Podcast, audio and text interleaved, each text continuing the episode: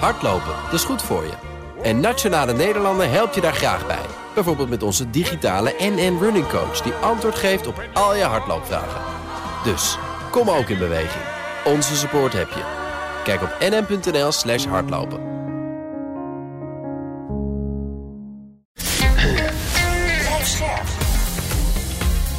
BNR Nieuwsradio.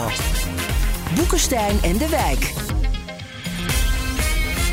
Hugo Reitsma. Dit is een extra uitzending van Boekenstein en de Wijk in verband met de oorlog in Oekraïne en de crisis met Rusland. Het is maandag, dag 362 van de invasie en president Biden verraste ons allemaal met een bezoek aan Kiev. Spectaculair, hè? Ja, het is echt uh, indrukwekkend wat er gebeurd is. Afgelopen vrijdag heeft de Amerikaanse regering besloten, het is maandenlang voorbereid, maar vrijdag hebben ze besloten dat Biden dus naar uh, Kiev gaat. Niemand uh, wist ervan, behalve een handvol mensen. Hè? En de mensen natuurlijk die mee zijn gegaan. Hij is uh, vanaf de Poolse grens tien uur lang vervoerd in een trein, zoals we dat vaker hebben huh? gezien. Ik hoop dat de arme man een beetje geslapen heeft. ja, en hij is daar naartoe gegaan. Dat is natuurlijk heel spectaculair. Terwijl hij het bezoek deed, dat is wel interessant hoor, hij heeft dus zo'n Russische MiG-31 is opgestegen in Wit-Rusland. En, die, en die heeft dus zo'n Kinshal hypersonic missile. Die kunnen de Oekraïners niet neerhalen. Dus uh, Poetin heeft even zijn spierballen laten zien. Hè? Maar vervolgens natuurlijk niet op het knopje gedrukt. Dat lijkt me ook heel onverstandig. Maar het is toch eng als je het allemaal leest.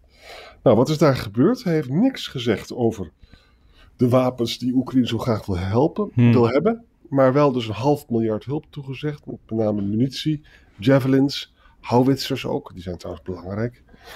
En, uh, en hij is nu alweer uh, in Polen. Want hij is, uh, ja, dat was wel aangekondigd, dat bezoek. Ja, ja, ja dat klopt. Wat ik, het, wat ik echt heel bijzonder vind is, en zo merk je ook hoe het werkt, is dat een paar uur voordat Biden in de trein stapte, de Russen zijn gebeld om ja. te zeggen Biden stapt in de trein. Ja, ik zag dat een journalist van PBS Nieuwshour, die citeerde een hoge bron die dat had gezegd. Ja, ja dat, is echt, dat is echt bijzonder. En zo ja, zie je dus hoe het werkt. Hè? Dus ja. uh, we denken iedere keer, maar er is geen contact. Nou, er is dus wel contact. Ja. En helemaal in het begin van de oorlog hebben we het uh, ook gehad over uh, deconflicteringsmechanismes. die zijn opgesteld. Dus als er iets fout gaat, bijvoorbeeld een raket van Rusland uh, die ineens over de grens gaat en naar Polen toe uh, dendert, dan kan dat worden aangemeld. En dit is dus ook gewoon deconflictie. Nou, van de term deconflictie stond ook bij het bericht. Dus het is belangrijk om even te weten. Dus dat gewoon die connecties er nog wel zijn. En dat er wel degelijk wordt geprobeerd om alles eraan te doen dat die zaak niet escaleert. En dat betekent dus ook dat Poetin rationeel denkt hè? en dat hij ook echt escalatie probeert te voorkomen. Ja, dat is wel belangrijk. Hè? Dat is wel ja. belangrijk dat uh, ja. Inzien. Nou, ik hoorde niet zoveel nieuws in de speeches van uh, Biden en Zelensky. Um, nee. Maar het lijkt me dus moreel wel een enorme boost voor Oekraïne. Ja, het is natuurlijk een opgestoken vinger ook naar... Uh, ja. naar Poetin. Want ja. Poetin uh, die is nog nooit in dat gebied geweest. Nee. En uh, dat was natuurlijk ook een hele discussie tussen hem en uh, Prigozhin. Die zegt, moet je kijken, ik ben er dus wel en ik kom er wel. Maar jij komt er niet. dus kom op Lafaard, ga ook eens een keer kijken in je nieuwe bezette gebieden. en je nieuw geannexeerde gebieden. Uh, en dat is natuurlijk feitelijk wat Biden wel doet, hè, met zijn 80 jaren. Uh, ja. Toch wel eventjes gewoon tien uur in de trein, wat uh, Jan zegt, om dit te doen. Ja, dit is echt een, echt een middelvinger naar, naar Poetin. Pas ook wel in de traditie van Amerikaanse presidenten. Bush, 2003 naar Irak. Obama 2010 naar ja. Afghanistan. Ja. Interessant, eigenlijk is het scenario hetzelfde. Uh, uh, Poetin die, uh, Bush zou op zijn ranch zitten. Obama die reisde af naar Camp David, maar ging daadwerkelijk het vliegtuig in en vloog naar Afghanistan. En nu ook, hè, dus het was wel aardig om te zien hoe dat gaat. Ik vind dat eigenlijk nog het meest kostelijk van het hele bezoek. namelijk dat, dat Biden tamelijk ongebruikelijk met zijn vrouw in een restaurant is gezien. Ik las het, ja. Ja, dat is kennelijk eigenlijk een poging om daar te zien van ja, hij is gewoon uh, binnen. En hoe meer mensen hem zien, hoe beter het is. Ja, en toen was hij ineens even van en de radar. En toen was hij in één klap weg. toen vloog hij naar Polen toe. Ja. ja, nee, maar je hebt gelijk uh, Hugo, uh, er is niet heel veel nieuws hoor. ja, die, die 500 miljoen extra, dat, dat is een druppel op de goede plaat bij de 50 miljard die al toe is gezegd. Oh. Ja, het is, voor mij is het vooral een middelvinger naar, eh, naar Poetin. En om duidelijk te maken dat, uh, dat de steun van Amerika echt uh, is. Ik las ook ergens dat de Russische mailbloggers dit ook wel zien als een vernedering. Uh, ja. Teksten als, nou waarschijnlijk had hij ook naar Bagmoed kunnen gaan. En was hem ook niks gebeurd. Dat soort, wat, wat, ik ook gelezen heb, toen was het interessant. Het is namelijk echt, het is echt een middelvinger. Hè? Poetin die is door COVID niet gezonder op geworden. En die houdt erg van bunkers. En hier een Amerikaanse president die gaat gewoon hup, met een trein daar naartoe. Hè? Nou, morgen houdt Poetin een hele belangrijke speech. De State Hoe is dat of morgen? Nation. Ja. Dat is morgen. En, de experts, ja, en de experts zeggen van nou, dat, dat zou al een harde geworden zijn. Maar dat wordt zeker nu nog harder. Want ja, ja, hij is ja. beledigd door, uh, door wat Biden. Ja, Dus ja. we zullen dat het zien. nou allemaal van die opmerkingen, weet je, daar kan je toch niks mee. Nou, nou gewoon eerst even afwachten wat die, uh, wat die speech uh, wordt. Ik bedoel, wat kan Hm. hij nou nog, wat kan die nou nog doen? Ja, ik weet Nee. het. Ik bedoel, uh, Arjan, wat zou hij nou, wat zou hij nou kunnen zeggen wat totaal opzienbaar? Het, e- ja, het kan- enige wat hij hij- kan zeggen wat echt opzienbaar is, dat hij zegt van ik heb mijn doelen bereikt en ik hou ermee op. Ja, of, of hij kan, hij, dan gaat hij weer een beetje op met kernwapens lopen rammelen. Hè? Ja, maar dat is Ja, niet dat nieuw. kennen we ook. Ja. Of, of, of hij gaat zeggen, weet je wel, eh, de Oekraïne is bezig met een vuile bom, geholpen door het Westen en zo. Dat soort Zal hij ongetwijfeld ook doen, net zoals uh, die biologische laboratoria. Ja, ja, ja. Wat kun je nou nog toevoegen? Je kan moeilijk zeggen dat het allemaal fantastisch gaat. Dat zal hij wel zeggen trouwens, maar dat gelooft dus niemand meer. Dus ja, wat, wat kun je nou zeggen? Ik ben echt heel benieuwd hoor dan. Uh, om, om echt wereldnieuws te maken. Je leest ook stukken dat hij dus Bagmoed straks gaat aangrijpen. Dus aanstaande vrijdag is ook dus een jaar geleden dat de invasie is gestart. Hè? Mhm. Dus sommigen zeggen van nou, dan gaat hij dus Bagmoed gaat hij dan, gaat hij dan celebreren. Maar ja, dat, is, dat is toch nauwelijks iets, Bagmoed. Het is gewoon helemaal niks. Nee, Dus nee. ik vind het allemaal heel gaat nu treurig. gewoon niet zo lekker op de grond. Nee. Nee. Hey, we moeten denk ik eventjes terugkijken op de veiligheidsconferentie in München. Ja. Hebben we niet op vooruit geblikt? Want Ja. ja. dat was toen een beetje, nou ja, Nee. kon toen nog niets over zeggen. Maar je ziet toch dan wel belangrijke spelers bij elkaar. Wat hebben jullie daarvan meegekregen? Nou ja, Weet je, het punt is dat dus niet alle hoofdrolspelers bij elkaar eh, zijn. Herinner je nog 2017, de grote speech van uh, Poetin, waarin hij eigenlijk bij wijze van spreken de oorlog aan het Westen uh, verklaarde? Ja, 2007, ja. Ja, en uh, ook al Lavrov 2015, die over de Krim zei, ja, dit was toch echt gewoon een kwestie van zelfbeschikking. dus die, die, die grote speeches, die zijn niet gehouden. En uh, ik heb. de Russen waren ook niet uitgenodigd, hè? Dus nee, de Russen waren niet uitgenodigd. De Chinees was wel, daar kom ik zo nog even op terug. Wang. Uh, maar het was dus ook gewoon niet echt interessant. Uh, terwijl dat een hele belangrijke bijeenkomst is. ja, en dan hoor je dus de Noorse minister, minister-president Storen, die hoor je dan zeggen: van, ja, we moeten een lange termijn strategie hebben, geloof het allemaal best. Uh, de Finse uh, minister-president, ja, dit is van een lange adem. Uh, Kaja Kallas, de minister-president van Estland, ja, we moeten onze wapenindustrie opbouwen. Kijk, weet je, ja, dat weten we ook allemaal wel. Hmm. Het enige wat ik echt interessant vond, was Blinken. Blinken ja. met Wang. Heel Wang spannend. Daar zijn kennelijk harde woorden gevallen. Dat ging natuurlijk over de ballonnen, die Wang Yi uh, de hele ballonnenaffaire absurd en hysterisch noemde in de Verenigde Staten. Ik moet eerlijk zeggen, daar had het ook wel enige trekjes van op een gegeven ogenblik. Mm -hmm. maar het interessante is natuurlijk dat hij zegt van ja, wij willen dat er vrede op aarde komt. we moeten als landen vreedzaam samenleven. En hij komt op 22 of 23 of 24 met een vredesvoorstel. De Chinezen, ja. De Chinezen, ja. Nou, wat moeten we daar nou uh, van denken? Ja, en te, te, meer ook omdat, weet je, ik vind het zo interessant dat daar gebeurd is. Hè? Je moet je voorstellen, Wang Yi werd dus uh, ge geïnterviewd door Ischinger, weet je wel, de bekende oude ex-minister is dat toch, hè?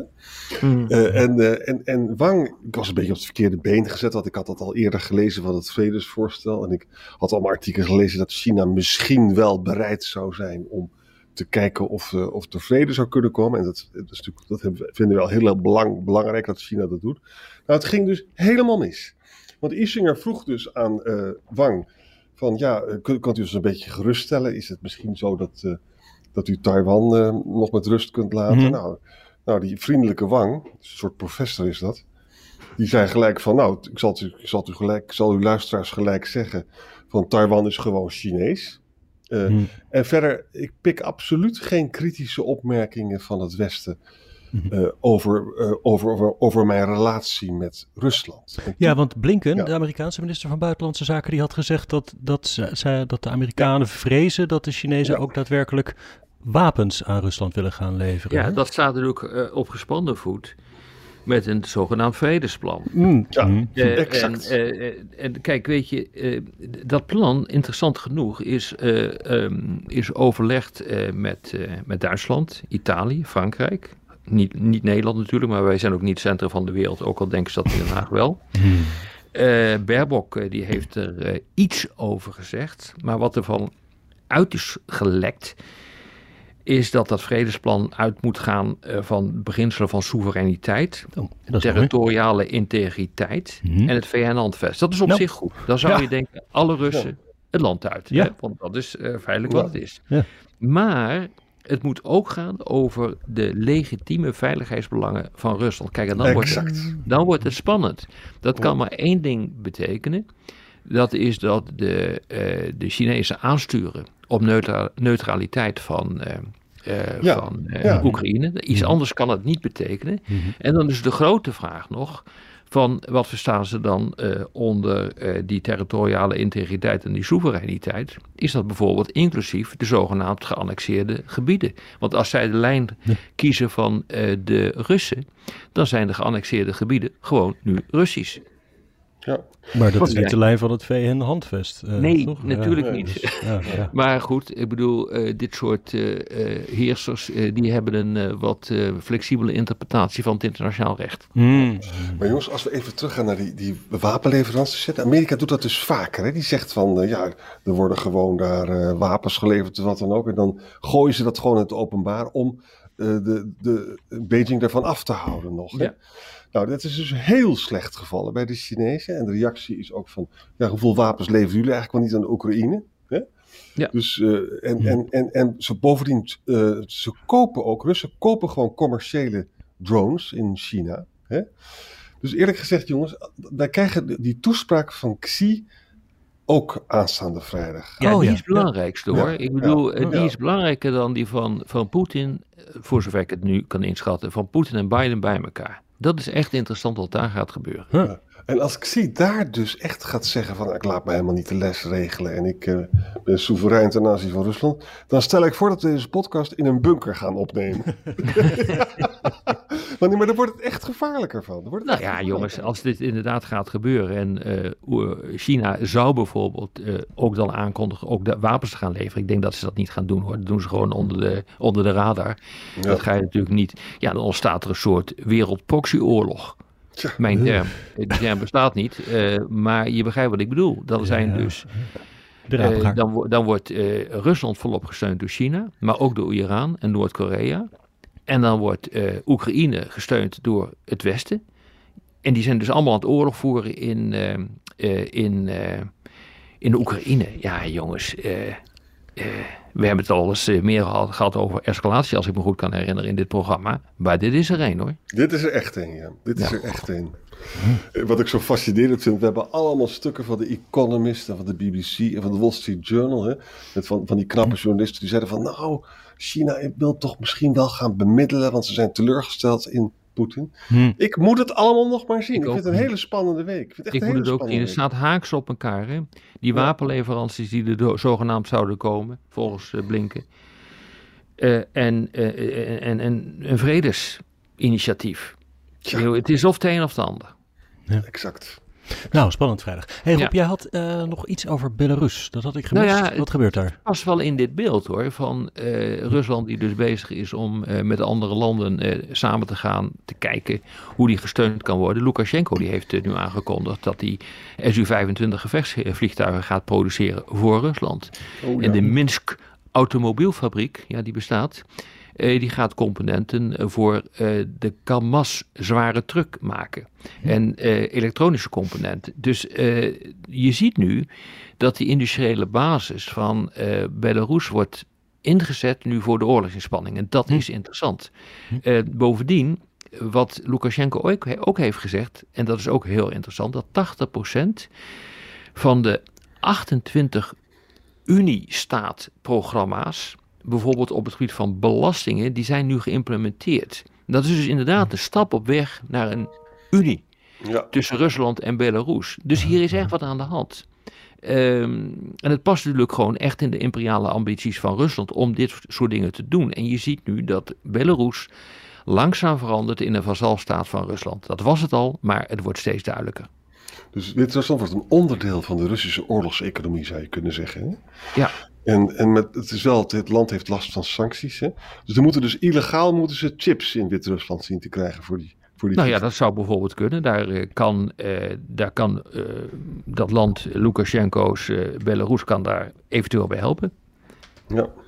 En dat gebeurt trouwens al. al hè? Ja. Ik bedoel, eh, het is een belangrijk doorvoerland eh, van allerlei eh, spullen. Ja. Maar je ziet hier wat hier gebeurt. Hè?